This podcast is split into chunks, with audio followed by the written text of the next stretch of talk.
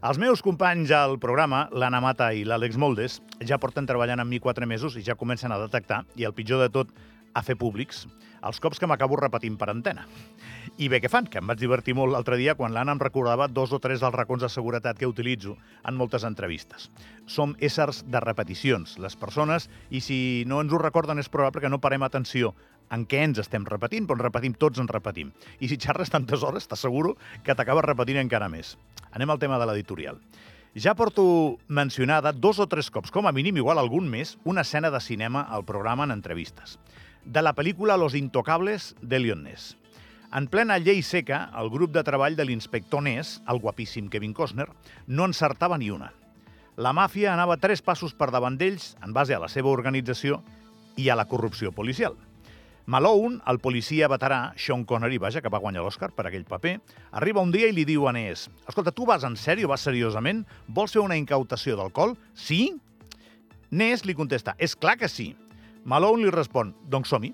El reduït grup dels intocables i rom en un sòtan d'un gratacels al vell mig de la ciutat, crec que és cinquena avinguda, en aquest cas del que seria Chicago, que no és cinquena avinguda, però per fer-vos per fer una idea, al mig de la ciutat, i fan una redada que tanca una enorme destileria de whisky.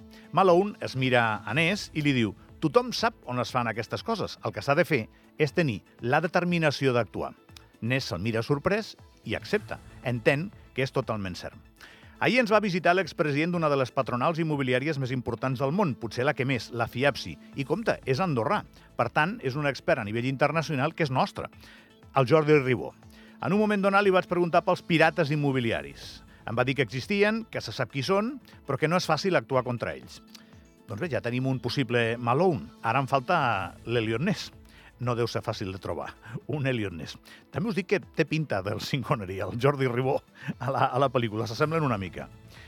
No em puc creure, i ja us ho dic sempre que jo sóc limitadet, limitadet, la veritat, però no em puc creure que diem que anem seriosament a combatre els abusos i no s'identifiqui a ningú que els cometi i menys en un lloc tan petit com Andorra. És que no m'ho puc creure.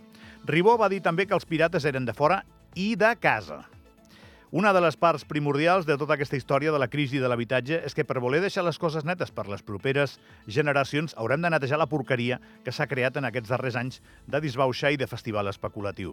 Jo sóc dels que es creu, ho dic sempre, eh? la ministra Marsol, quan diu que va seriosament a per aquest tema, però igual que me la crec, estic esperant veure com algun dia és identificada alguna empresa que no ha obrat correctament. Ojo, spoiler. Elliot Ness, després de molts patiments, va acabar tancant a la presó al Capone però ho va fer per no pagar impostos, no pel munt de crims que havia comès. Igual és una idea.